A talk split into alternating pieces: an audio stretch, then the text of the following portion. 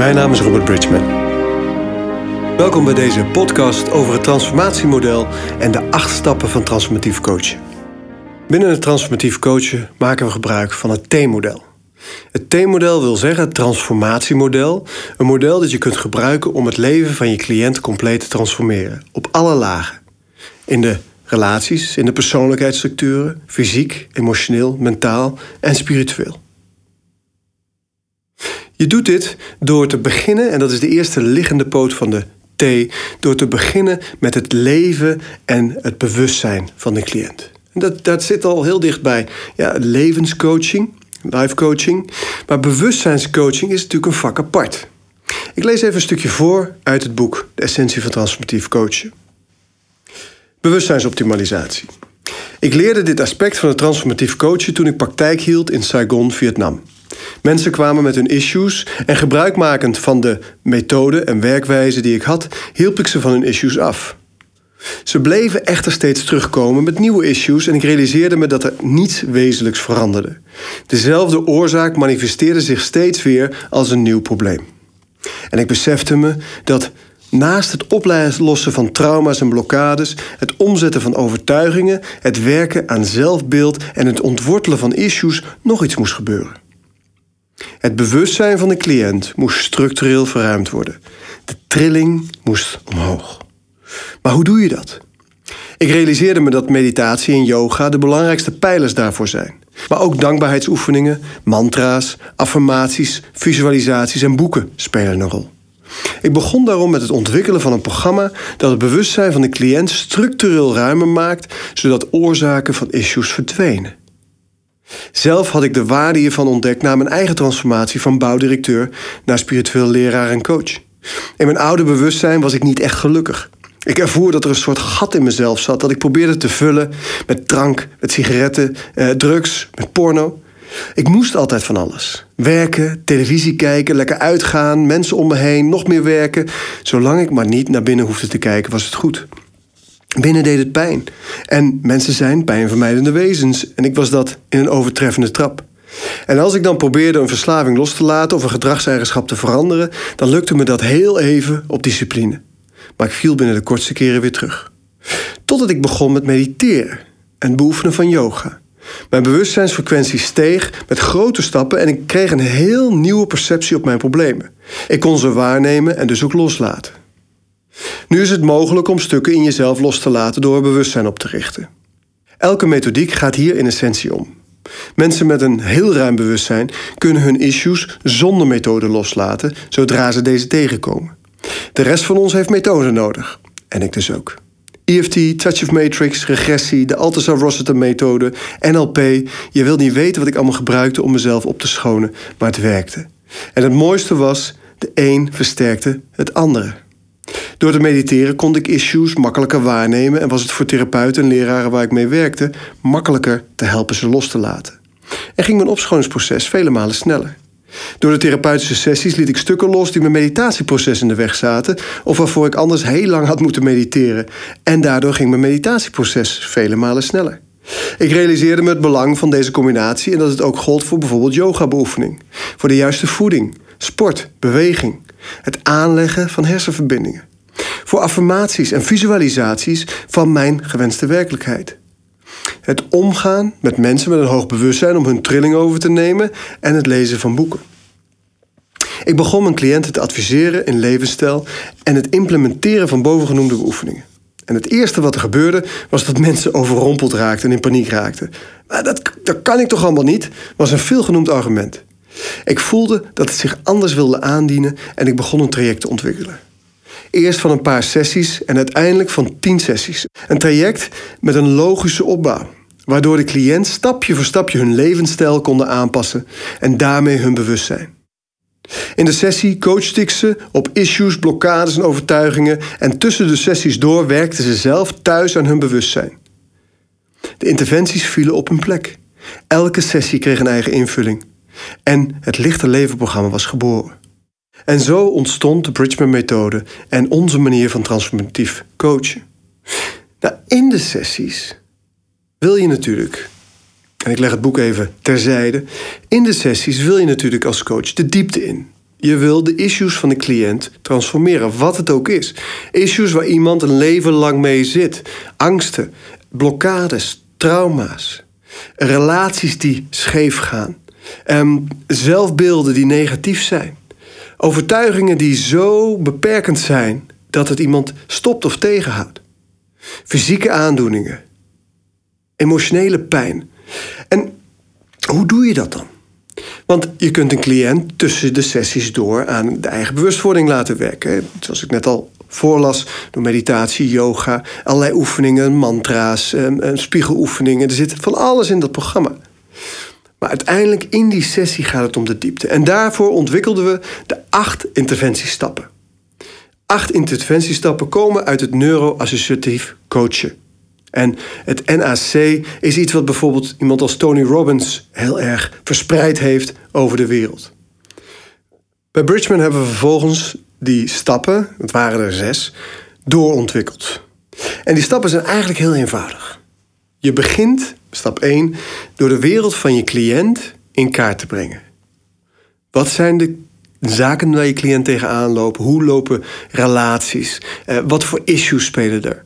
En je onthoudt erbij dat de buitenwereld een afspiegeling is van de binnenwereld. Zo binnen, zo buiten, een universele wet. Dus door het leven van de cliënt in kaart te brengen, kun je eigenlijk al wel inschatten wat voor blokkades en trauma's en, en beperkende overtuigingen in die cliënt spelen. En zich ja, projecteren op de realiteit. Een vervolgstap is de reden om verandering. De reden om verandering is een essentiële stap, omdat heel veel mensen ehm, eigenlijk niet willen veranderen. In een soort comfortzone zitten en ondanks dat ze lijden en dat het zeer doet, durven ze er niet uit. Ze, ze, hebben een, een, een hefboom nodig om ze uit ehm, hun situatie te trekken. Om een bepaalde situatie, een bepaalde issue aan te gaan. Om een bepaalde overtuiging daadwerkelijk te doorbreken. Want dat is, daar is moed voor nodig en kracht. Vaak zijn overtuigingen, blokkades, issues, angsten al zo oud dat mensen zich er volledig mee identificeren en dus een stukje van zichzelf verliezen op het moment dat ze het loslaten voor hun gevoel. Als je met de juiste technieken, gebruikmakend van het pijngenot-principe in de persoon bijvoorbeeld, of eh, gebruikmakend van de basisbehoeftepsychologie, eh, kun je op een hele mooie manier een reden vinden voor de cliënt om de verandering, de interventie te laten slagen. En de derde stap is het patroon doorbreken. Het verhaal wat de cliëntje vertelt, het patroon waar ze in zit, mentaal, emotioneel, psychologisch patroon. Ja, dat is oud en dat is zo vaak herhaald dat het werkelijkheid is geworden. En als je dat wil doorbreken, dan kun je gebruik maken van humor, dan kun je gebruik maken van shockcoaching, dan kun je gebruik maken van provocatief coaching, dan kun je gebruik maken van allerlei methoden, allerlei technieken om dat patroon, die cliënt uit dat patroon te tillen. En vervolgens ga je het patroon herdefiniëren tot een oplosbaar iets. Je maakt het als het ware kleiner. Iemand die in een hele situatie zit met, met um, familieleden. En kun je misschien wel terugbrengen naar de relatie met een moeder bijvoorbeeld. En ook daar zijn weer prachtige technieken en methoden voor die ik omschrijf in het boek. En vervolgens omschrijf je bij stap 5 aantrekkelijke alternatieven. Dus wat zou deze verandering de cliënt opleveren? Je creëert als het ware een nieuwe werkelijkheid. En vervolgens kom je in de volgende stap, in stap 6, de oplosfase. In deze fase ga je met methoden die je aangeleerd hebt. En bij Bridgman maken we veel gebruik van Touch of Matrix, van EFT, van de Althusser methode, van regressie, van reïncarnatietherapie, eh, van hypnose. Ehm, eh, ja, een heel scala en methode. Maar jij hebt natuurlijk ook als coach gewoon je eigen methode en technieken om die oplosfase op een goede manier uit te voeren. En we noemen dat doorgronden en ontwortelen. Als transformatief coach mag je een bepaalde mate van helderziendheid of helderwetendheid of heldervoelendheid ontwikkelen. Ik, in de opleidingen en retraites die ik geef voor coaches trainen we dat ook in. En helderziendheid, heldervoelendheid, dat is iets wat ieder mens heeft. Alleen niet ieder mens heeft het ontwikkeld. En in die oplosfase, in het doorgronden en ontwortelen, is het zo belangrijk dat je de emoties, dat je de blokkades, dat je de overtuigingen als het ware ziet of voelt zitten om ze vervolgens te kunnen helpen transformeren. De zevende fase gaat om testen. Uitgebreid testen van ehm, eh, van de cliënt om te kijken: is het probleem daadwerkelijk helemaal opgelost? Of vind ik nog uh, wortels? Of vind ik nog afgeleiden? Of vind ik nog um, andersoortige mechanismen die met het probleem te maken hebben, met de issue te maken hebben? En die los ik vervolgens op. Om als laatste bij stap 8 de interventie te verduurzamen.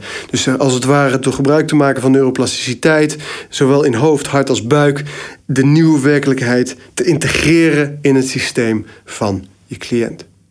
Nou, met die acht interventiestappen kunnen we heel veel bereiken bij heel veel mensen en vaak levenslange problematiek oplossen. Levenslange trauma's, levenslange angsten, dingen, zaken waar mensen al zo lang mee zitten, ja, die los je misschien in een uurtje op. Dat vraagt een andere manier van kijken. Dat vraagt om buiten de kaders te kijken. En vaak ja, sluiten we het, het spirituele wat uit. Hè? Dat doen coaches ook. We proberen toch zo pragmatisch, zo logisch, zo verklaarbaar mogelijk te houden.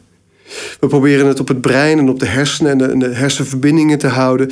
En ehm, op het moment dat, zolang het in die emoties vinden we dat allemaal prima, de psychologische lagen. Maar zodra het spiritueel wordt, haken we af. Maar hoeveel cliënten zijn er die zware stukken hebben waar achteraf van blijkt dat het een entiteit was. Een andere levensvorm, menselijk of niet menselijk, die in hun systeem is geraakt. En die die problematiek voor deze persoon uh, creëerde. Of hoe vaak blijkt het dat het probleem wat iemand heeft karma is uit een vorig leven. Als je binnen bepaalde kaders blijft, mentale kaders blijft, en dit soort zaken niet ontwikkelt en onderzoekt als coach, dan ben je heel beperkt in je instrumentarium, dan ben je heel beperkt in je aanpak. En dus ook in de mate waarin je in staat bent tot doorgronden en ontwortelen. En daarom schuwen we binnen het transformatief coachen spiritualiteit geen zins. Sterker nog, in het boek leg ik er alles over uit. Hoe werk je dan met entiteiten? Wat kun je doen vanuit de ziel? En hoe werk je met vorige levens? Die acht interventiestappen geven je een structuur. Als mede hè, dat hele, de hele bewustwordingsprogramma eromheen geven je een structuur. En eigenlijk is acht interventiestappen het best samen te vatten als de verticale poot van het T-model. Dus het bewustwording was de eerste liggende poot, een levensstijl. Dan ga je de diepte in met die acht interventiestappen. En vervolgens de tweede liggende poot is het vinden van iemands zielsmissie. Want wat je eigenlijk doet, zeker als je iemand meerdere sessies ziet, en ik zeg altijd toch, ja, probeer iemand minstens vijf sessies van twee uur te zien. En wat je doet in die sessies, is je schoont iemand op in, de, in relaties, persoonlijkheid, fysiek, emotioneel, mentaal, spiritueel. Je schoont iemand op en brengt diegene dichter bij het ik ben, dichter bij de kern van die persoon. En hoe dichter bij de kern iemand komt, ja, hoe meer liefde, hoe meer bliss, hoe meer gelukzaligheid, hoe lichter het leven wordt. En hoe meer angsten, stress, negativiteit, blokkades, beperkingen ja, oplossen. Hoe authentieker iemand dus wordt. En hoe authentieker iemand wordt, hoe dichter diegene bij zijn of haar ziel komt, hoe makkelijker het voor diegene wordt om uit te vinden wat zijn of haar zielsmissie is. Wat komt deze persoon hier doen op aarde? En dat is het derde, de derde fase in transformatief coachen volgens de Bridgman-methode. Ik ga eens kijken, wat is nou, en daar hebben we prachtige oefeningen en technieken voor ontwikkeld. Wat is nou jouw reden van bestaan, cliënt? Waar word je echt gelukkig van? Want ik zeg altijd, als je niet weet wie je bent, weet je ook niet wat je wil. In mijn oude hoedanigheid als bouwdirecteur dacht ik dat ik wist wat mijn passies waren. Bedrijven opzetten, geld verdienen, ehm, eh, macht eh, en zo verder. Maar dat was helemaal niet zo. Dat waren de passies van de geconditioneerde versie van mezelf op dat moment. Maar toen ik mijn conditionering begon op te lossen, gebeurde er iets anders. Toen ik mijn conditionering begon op te lossen, werd ik steeds authentieker en kwam ik steeds dichter bij mijn authentieke passies. En zo werkt het voor een cliënt niet anders. Dus als je in fase 1 bewustwording en levensstijl. En fase 2, die interventies, de cliënt als het ware opgeschoond hebt, dichter bij die authenticiteit hebt gebracht, ja, dan is de volgende stap: wat is jouw passie? Wat zijn jouw passies? En niet alleen qua werk, maar ook bijvoorbeeld um, in je persoonlijke ontwikkeling, in je spirituele ontwikkeling, in je financiële passies. Um, Passies als het gaat om je huis, als het gaat om je familie, als het gaat om je gezin. Passies als het gaat om je opleidingen die je doet. Um, kortom, he, passies als het gaat om wat heb je terug te geven aan de mensheid en aan de wereld. Kortom, passies op alle vlakken in het leven. We vatten dat samen binnen het levenswiel. Het levenswiel met tien spaken, ja, die eigenlijk alle, alle delen van het menselijk leven, van het menselijk bestaan. Um, behappen.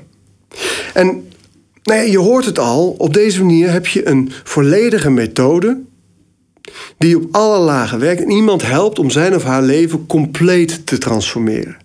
En het is een methode die beginnend coaches uitstekend kunnen gebruiken. Uh, de mensen die bij ons begonnen zijn, die um, en, in onze opleiding hebben gedaan, die hebben nu um, een aantal jaar later een goed draaiende praktijk. Maar we hebben bijvoorbeeld ook coaches die al twintig jaar in het vak zaten. En die deze methode op zijn gaan pakken. Want ze hadden al heel veel, ze wisten al heel veel, ze hadden heel veel ervaring. Maar een structuur, een heldere, duidelijke structuur, die handvatten geeft op alles wat je kunt tegenkomen in het vak, ja, dat is natuurlijk uitzonderlijk en dat is natuurlijk goud waard. En vandaar ook dat dit bij uitstek een methode is die zowel voor beginnend coaches als voor heel ervaren coaches ja, een, een uitgekiende werkwijze kan zijn. Alles wat ik je zojuist vertelde vind je in mijn nieuwe boek De Essentie van Transformatief Coachen. En ik nodig je uit om het boek te lezen. En als je het leuk vindt, het boek, dan zijn er nog heel veel andere mogelijkheden binnen het Bridgman Spectrum om jou de kneepjes van het transformatief coachen bij te brengen. Ik dank je wel voor je aandacht en wens je heel veel leesplezier.